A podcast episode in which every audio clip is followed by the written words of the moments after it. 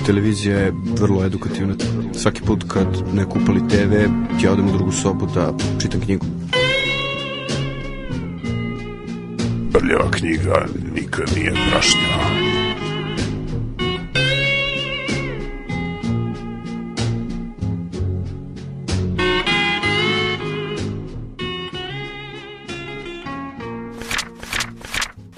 Radio Galaksiju redovnom rubrikom Jeste. jedan pisac jedna knjiga Jeste, i sad jedna slavna knjiga jedan slavni pisac mm -hmm. ovaj, Danilo Kiš, dakle o Danilo Kišu valjda svi sve znaju, a ako ne znaju nekih je sramota, ovaj, tako, Neka da, googluju. tako da u tom kontekstu nećemo mnogo o Danilu Kišu, ali zato mm -hmm. časova anatomije ćemo više, dakle pošto časa na tom jedna čudna knjiga, mi smo do sad imali uglavnom uh, što prozu, a pomalo i poezije ponekad, mislim, a ovo je ovo nije ni jedno ni drugo, mislim moglo bi se smatrati eseistikom, mada nije ni esistika u striktnom smislu te reči, to je više mhm. jednako polemika i ono rasprava o, o, o nama i o aferama i slično. Naime, e, radi se o Kišovom zapravo odgovoru na jednu potpuno bizarnu kampanju koja je vođena protiv njega i njegove knjige Grobnica za Borisa Davidovića negde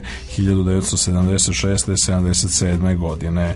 Znači, to je bilo davno doba ono poznog titoizma koji je negde je onako sve i svašta, mislim, zove se e, tu delovalo, ali jednostavno je, bez obzira koliko se mi trsili da smo bili napredniji od zemalja istočnog bloka i Varšavskog pakta u pogledu je li tolerancije prema disidenstvu i različito mišljenju i slično, to e, baš i nije bio slučaj u tom nekom smislu da, hajde, dobro, naravno nisu ljudi gubili glave, ali je na neki način Kišov izgubio svoju književnu glavu, odnosno u čitavom nizu maltene postojala je jedna vrsta konsenzusa sa par časnih izuzetaka poput Predraga Matejevića da je eto Kiš loš pisac i falsifikator koji je velike delove svoje knjige Grobnica za Borisa Davidovića prepisao i sad ta potpuno besmislena optužba koja je zato što iz nje ljudi ne razumeju da Dakle, jasno je da, da je to onako elementarno i analfabetsko nerazumevanje uloge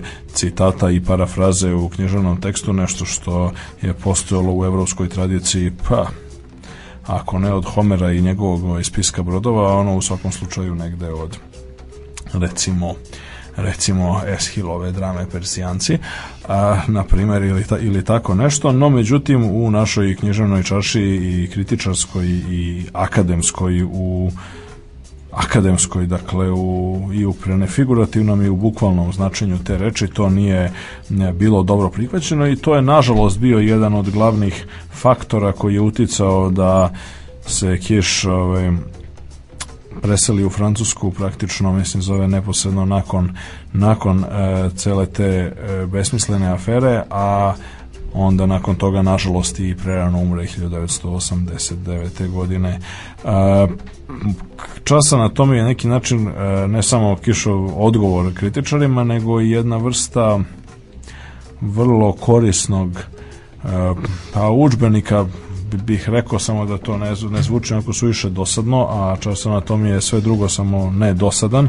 A, e, naprotiv, to je izuzetno zabavno, duhovito štivo, ali ono što je osnovna e, jedna pedagoška i propedeutička poenta ovde jeste da zapravo on pokazuje uh, bogatstvo i e, na neki način širinu spektra savremene književnosti i to radi na e, dva plana, ima jedan deo gde ima čitav niz odlomaka iz e, ozbiljnih teorijskih radova posvećenih velikim piscima kao što su Tomas Mann, Ivo Andrić i slično koji da pokazuje da su e, da kod svih tih nalazimo začetke onoga mislim zove što je kasnije ne samo Kiš nego i drugi savremeni moderni pisci primenjivao u svojim delima a takođe mislim zove i zapravo razmatra u čemu je razlog, mislim zove zašto, u čemu su razlozi, zbog čega avangardna e, dela i zbog čega e, književnost koja je znači inovativna i, i savremena nailazi na toliki otpor, mislim zove, u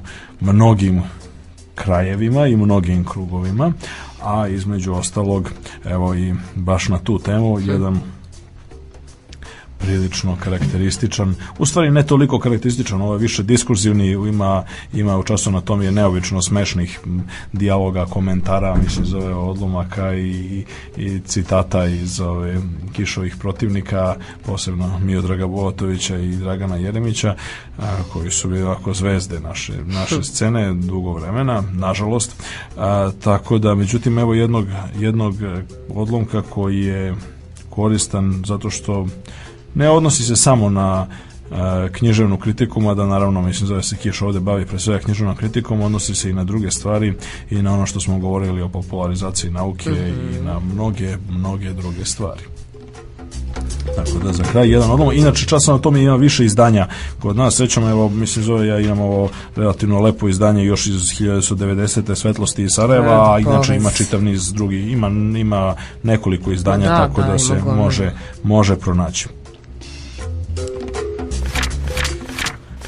Osnovno obeležje naše kritike jeste njena antiindividualistička tendencija. Odatle ta stalna potreba za generacijskim pristupom određenim književnim delima a ta antiindividualistička tendencija posledica je u prvom redu sociološkog pristupa fenomenima, jer po tom i takvom sociološkom pristupu kolektivno delo nije individualni proizvod nego kolektivni, kao narodna pesma. Knjige određene tendencije ne piše pojedinac, nego su one, ako ne baš iz glave cijeloga naroda, a ono se delo rodilo u jednom određenom trenutku društveno-političke klime, te kao takvo ono ne može imati individualni pečat, nego samo kolektivni i kolektivistički.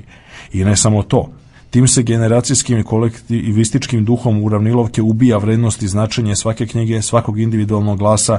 Jedna se knjiga rastače drugom, dobra prosečnom, odlična lošom, sadržinska vrednost jedne ubija se formalnim nesavršenstvom druge i obratno. Negativni poeni jedne pripisuju se pozitivnim poenima druge, plus i minus se potiru, dakle opet nije ničeg bilo.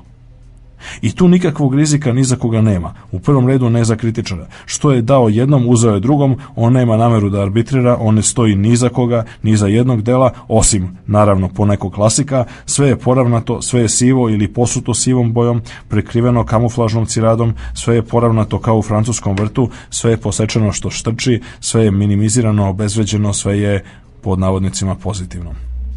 Naša je književna kritika zapravo književna vlast i ona kao takva ne služi književnosti, književnost služi njoj, književnička siva masa samo je izgovor za njeno postojanje Jer kako može taj neki kritičar da služi književnosti da se počinje njenim zakonima i da u njoj nalazi svoj smisao, kada on smatra da je procenjivanje dela stepen više u semantičkom polju, pa taj ko može da presudi, taj valjda može i da napiše takvo delo o kojem sudi.